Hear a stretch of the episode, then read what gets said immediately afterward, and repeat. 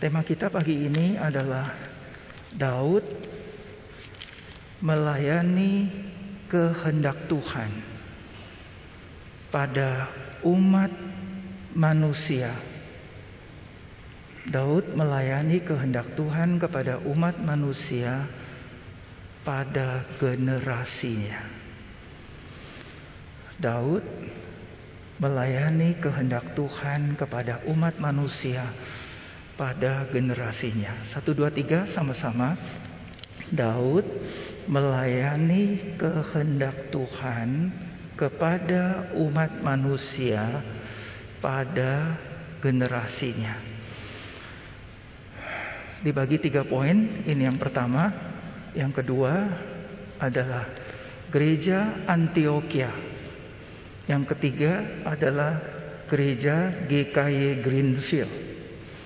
Jadi yang pertama Daud melayani kehendak Tuhan kepada umat manusia pada generasinya. Yang kedua adalah gereja Antioquia melayani kehendak Tuhan pada umat manusia pada generasinya.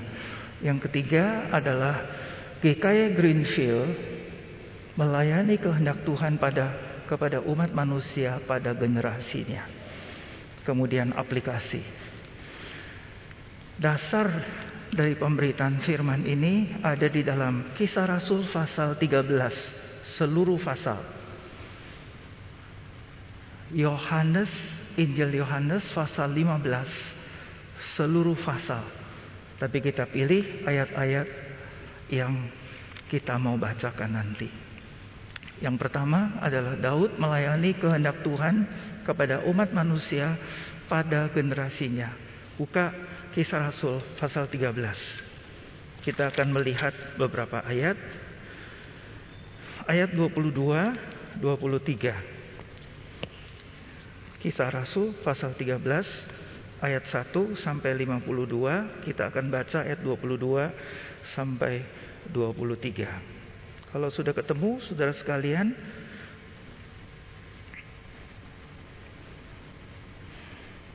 Saya baca bagian depan sebentar, kemudian saudara sambung dari tentang Daud.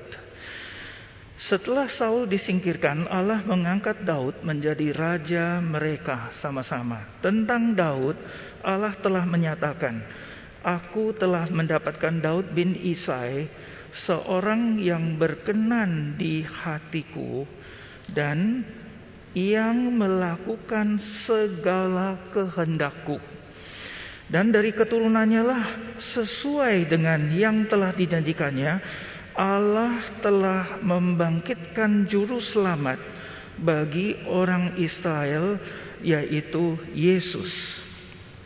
Ayat 34 sampai 37. Ayat 34 sampai ayat 37 sama-sama. Allah telah membangkitkan dia dari antara orang mati dan ia tidak akan diserahkan kembali kepada kebinasaan. Hal itu dinyatakan oleh Tuhan dalam firman-Nya. Aku akan menggenapi kepadamu janji-janji yang kudus yang dapat dipercayai yang telah kuberikan kepada Daud.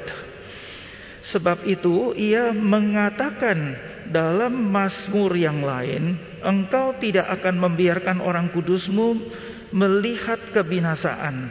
Sebab Daud melakukan kehendak Allah pada zamannya.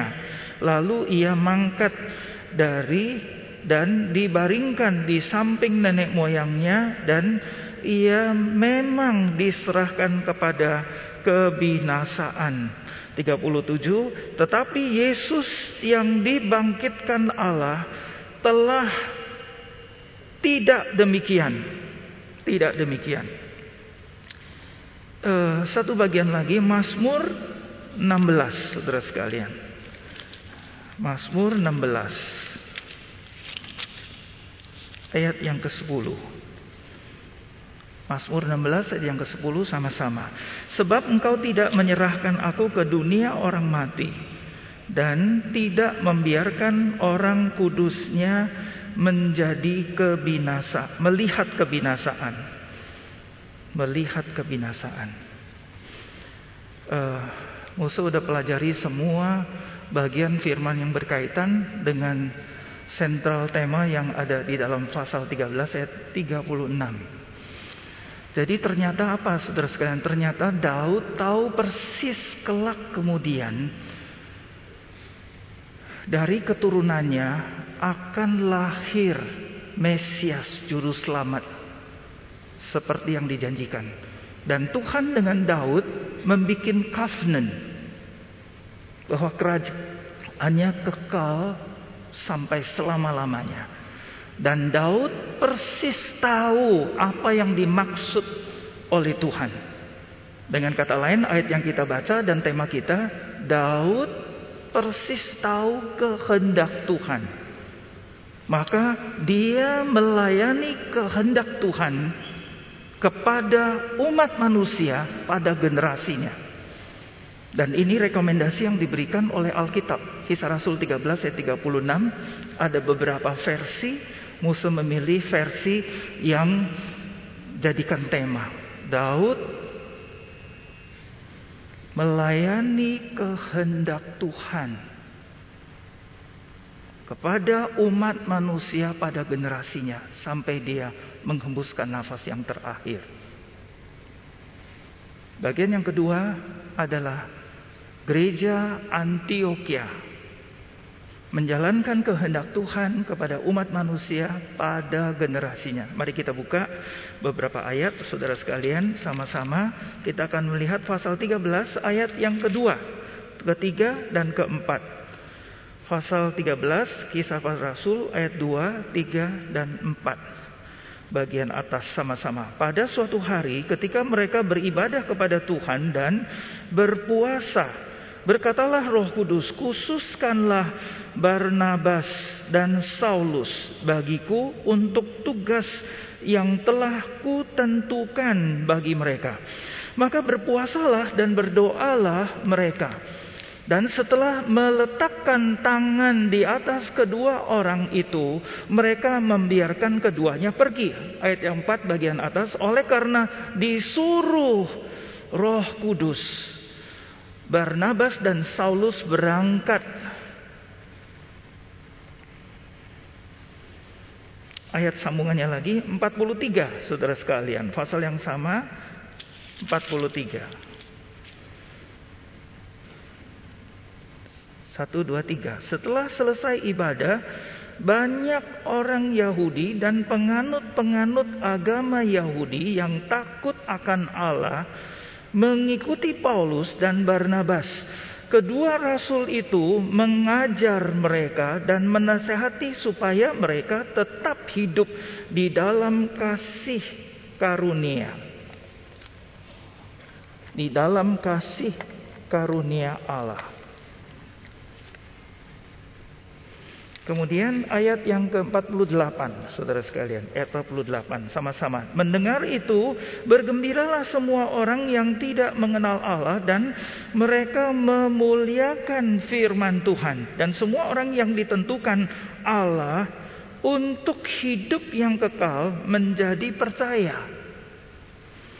Kemudian ayat yang ke-50 50, 51, 52. Sama-sama. Orang-orang Yahudi menghasut perempuan-perempuan terkemuka yang takut akan Allah dan pembesar-pembesar di kota itu dan mereka menimbulkan penganiayaan atas Paulus dan Barnabas dan mengusir mereka dari daerah itu. Akan tetapi Paulus dan Barnabas mengebaskan debu kaki mereka sebagai peringatan bagi orang-orang itu. Lalu pergi ke Ikonium dan murid-murid di Antioquia penuh dengan sukacita dan dengan Roh Kudus. Sangat jelas terlihat Roh Kudus berinisiatif untuk memanggil dan memerintahkan Paulus dan Barnabas dan mereka taat berangkat melakukan kehendak Allah. Apa yang dikatakan kehendak Allah, saudara sekalian, sentral daripada kehendak Allah adalah Yesus Kristus. Baik tadi waktu Daud dan sekarang gereja Antioquia setelah hari Pentakosta. Sangat jelas sekali mereka memberitakan Kristus dan inilah perjalanannya. Yang terakhir, yang ketiga, saudara sekalian, adalah GKI Greenfield menjalankan kehendak Allah kepada umat manusia pada generasi ini. Dasar yang lain Yohanes pasal 15. Kita akan baca beberapa bagian. Dasar atau pokok pikiran dari pasal 15 Saudara sekalian adalah di dalam Kristus. Di dalam Kristus. Cai cituli, cai woli. Di dalam Kristus. Apa artinya di dalam Kristus Saudara sekalian? Di dalam Kristus adalah terus-terusan, tidak berhenti-henti. Di dalam Kristus artinya tinggal, tetap, remain, indwelling, reside. Jadi ada di dalam Kristus. Apa artinya saudara sekalian? Artinya lahir baru. Artinya Yesus di dalam diri kita. Kita mempunyai hidupnya Yesus, hidup yang kekal, hidup yang berkuasa, hidup yang berkelimpahan. Artinya apa? Artinya kita punya Roh Kudus. Roh Kudus tinggal di dalam diri kita. Ini adalah tinggal di dalamku. Beberapa ayat, saudara sekalian, kita lihat pasal 15 ayat yang ketujuh. Sama-sama. Pasal 15 ayat yang ketujuh. Satu, dua, tiga. Jikalau kamu tinggal di dalam aku dan firmanku tinggal di dalam kamu. Mintalah apa saja yang kamu kehendaki dan kamu akan menerimanya. Tinggal di dalamku, dalam Yesus, kita diberi firman, kita punya firman. Dan doa kita karena firman yang diberikan pasti didengar dan dikabulkan. Pasal 15 ayat 9 dan 10 sama-sama. Seperti Bapa telah mengasihi aku, demikianlah juga aku telah mengasihi kamu. Tinggallah di dalam kasihku itu. Jikalau kamu menuruti perintahku, kamu akan tinggal di dalam kasihku seperti aku menuruti perintah Bapakku dan tinggal di dalam kasihnya. Di dalamku, di dalam aku, di dalam Yesus berarti kita menuruti perintahnya dan ada di dalam kasihnya. Satu lagi, pasal 15 ayat 26 dan 27. Sudah ketemu? Satu, dua, tiga. Jikalau penghibur yang akan kuutus dari Bapak datang, yaitu roh kebenaran yang keluar dari Bapak, ia akan bersaksi tentang aku. Tetapi kamu juga harus bersaksi karena kamu dari semula bersama-sama dengan aku. Berarti Tuhan Roh Kudus reside, tinggal, menetap selamanya di dalam kita. Nah, saudara sekalian kita jemaat Greenfield adalah murid-murid Tuhan Yesus. Kita sedang ada di dalam kehendak Bapa. Dan kita sedang melayani kehendak Bapa kepada umat manusia di generasi sekarang kita sedang eksis. Aplikasi terakhir. Kamu rasa benar, saudara sekalian, apa yang kita lakukan? Apakah kamu betul-betul ngerasain kamu lagi ada in the middle, in the midst of His will? Terjemahan bahasa Inggris, saudara sekalian, Daud had served God purpose.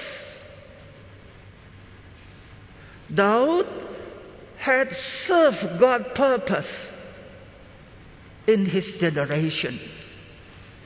Daud persis tahu saudara sekalian. Apa saja yang dilakukan? Rekomendasi ayat 22 bilang di situ penulis kisah para rasul dengan pertolongan Roh Kudus mengatakan bahwa si Daud ini segala hal dia mau turuti lakukan kehendak Bapa, kehendak Allah. Dan gereja Antioquia, saudara sekalian, Roh Kudus begitu dominan dan nyata Waktu mereka melayani, waktu mereka berdoa, waktu mereka puasa, saudara sekalian, Roh Kudus langsung berkata-kata kepada mereka, sisihkan Paulus dan Barnabas untuk melakukan tugas yang kulakukan. Mereka gereja Antioquia di tengah-tengah kehendak Allah dan mereka taat melakukan kehendak Allah dan melayani umat manusia pada zamannya. Dan hari ini gereja GKY Greenfield. Semua kualifikasi sudah ada, saudara sekalian. Tetapi apakah kamu dan saya menyadari dengan sedalam-dalamnya bahwa kamu dan saya di masa pandemi seperti ini kita sedang di tengah-tengah sentral daripada kehendak Bapa, kehendak Allah, kehendak Yesus Kristus, kehendak Roh Kudus dan melakukan kehendak Allah. Melayani umat manusia di generasi ini. Kita minta Tuhan tolongin saudara sekalian. Musuh mendorong diri sendiri dan memberikan dorongan kepada kita sekalian. Beberapa hari lagi, tidak lama, kita akan merayakan Natal. Apa tujuan Tuhan Yesus datang, saudara sekalian? Hari ini kita murid-murid Yesus, kita menerima hidupnya Yesus. Yesus ada di dalam diri kita, Roh Kudus ada di dalam diri kita. Yesus datang melakukan kehendak Bapa. Yesus datang menyelamatkan, Yesus datang mati di salib, Yesus datang memberitakan Injil. Yesus datang membawa setiap orang kembali kepada Tuhan, masuk ke dalam kerajaan surga. Tidak ada jalan lain kecuali melalui Yesus, saudara sekalian. Hari ini kita yang di dipanggil sebagai murid-murid Yesus GKY Greenfield saudara sekalian yang ada di tengah-tengah kehendak Allah. Kita sedang menjalankan kehendak Allah. Apa yang akan kita lakukan di Natal saudara sekalian? Sebelum dan sesudahnya di suasana Natal yang sebentar lagi akan saudara baca dan alamin lakukan seperti yang Yesus lakukan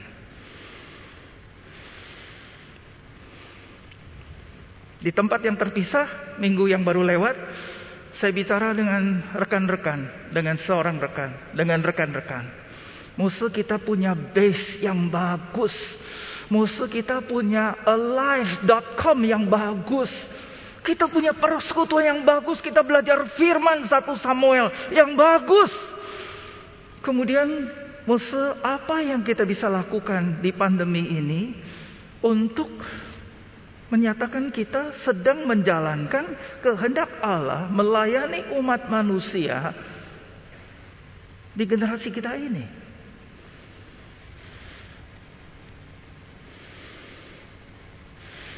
Musuh apakah ini aja musuh?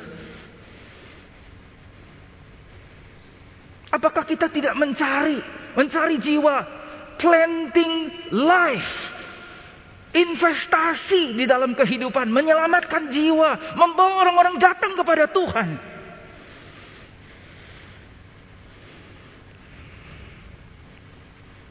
Ibadah kita mulai dibuka, saudara sekalian. Kita bersyukur, kita harap di bawah 50 penuh.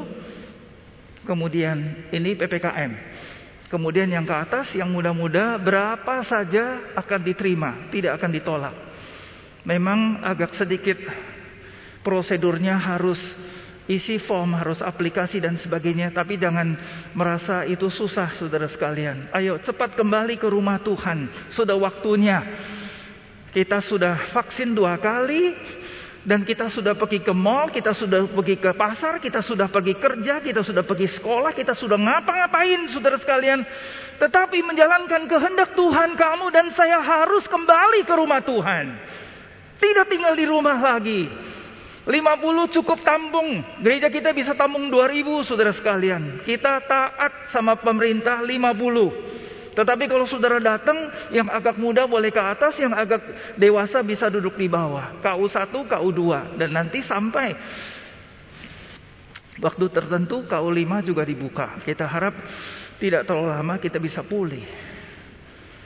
Terus hidup yang kita sudah miliki nih, hidup Yesus yang seperti ini kita miliki. Kita tutup saudara sekalian sehingga tidak efek kepada apa pun juga. Daud melakukan kehendak Allah. Gereja Antioquia melakukan kehendak Allah.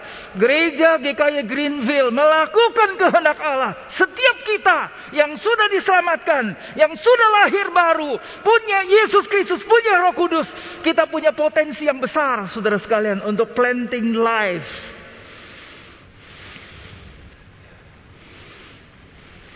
Kita minta Tuhan tolong kita mengerti, saudara sekalian? Siapa mengerti? Kamu mengerti? Kamu nggak mengerti? Mengerti? Kamu diam-diam artinya apa, saudara sekalian? Ngerti atau enggak? Kalau nggak ngerti, saya ngomong terus, saudara sekalian. Bisa nggak habis ini. Kalau saudara bilang saya mengerti, saya selesai sudah. Saudara mengerti? Ngerti. Kalau sudah mengerti bisa dilakukan, kehendak Allah bisa dilakukan, saudara sekalian. Bisa dilakukan? Bisa. Mari kita berdoa. Kami gentar dan takut karena setiap generasi Tuhan memanggil sekelompok orang untuk melakukan kehendak Allah. Jelas sekali Daud mengerti apa artinya kehendak Allah. Rencana kedatangan Mesias Tuhan bukakan kepada Daud sehingga si Daud betul-betul komit seluruh hidupnya dan setiap hal yang dia lakukan untuk menggenapi kehendak Allah. Sekalipun dia berdosa, membuat kesalahan-kesalahan, tapi dia bertobat sepanjang jalan dan Tuhan percayakan dia untuk menjalankan kehendak Allah kepada umat manusia pada generasinya. Gereja Antioquia setelah Pentakosta terjadi, Tuhan panggil gereja Antioquia dengan nyata dan jelas dengan urapan Roh Kudus mereka menjalankan kehendak Allah kepada umat manusia pada generasi itu. Dan kami hari ini GKY Greenfield adalah sekelompok orang-orang yang dipanggil, dipercaya, diberi hidup Yesus, diberi roh kudus yang tidak terbatas. Dan janjinya adalah hidup yang berkelimpahan yang kami baca di dalam Yohanes pasal 10, Yohanes pasal 15. Dan kami punya ini semuanya. Dan Tuhan Mau kami taat menjalankan kehendak Allah.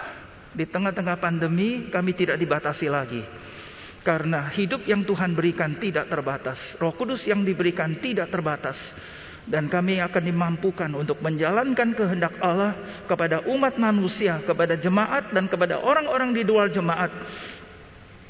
Pada generasi ini juga. Kami persembahkan hati kami, inilah doa kami. Demi nama Tuhan Yesus Kristus kami sudah doa sama-sama katakan. Amin.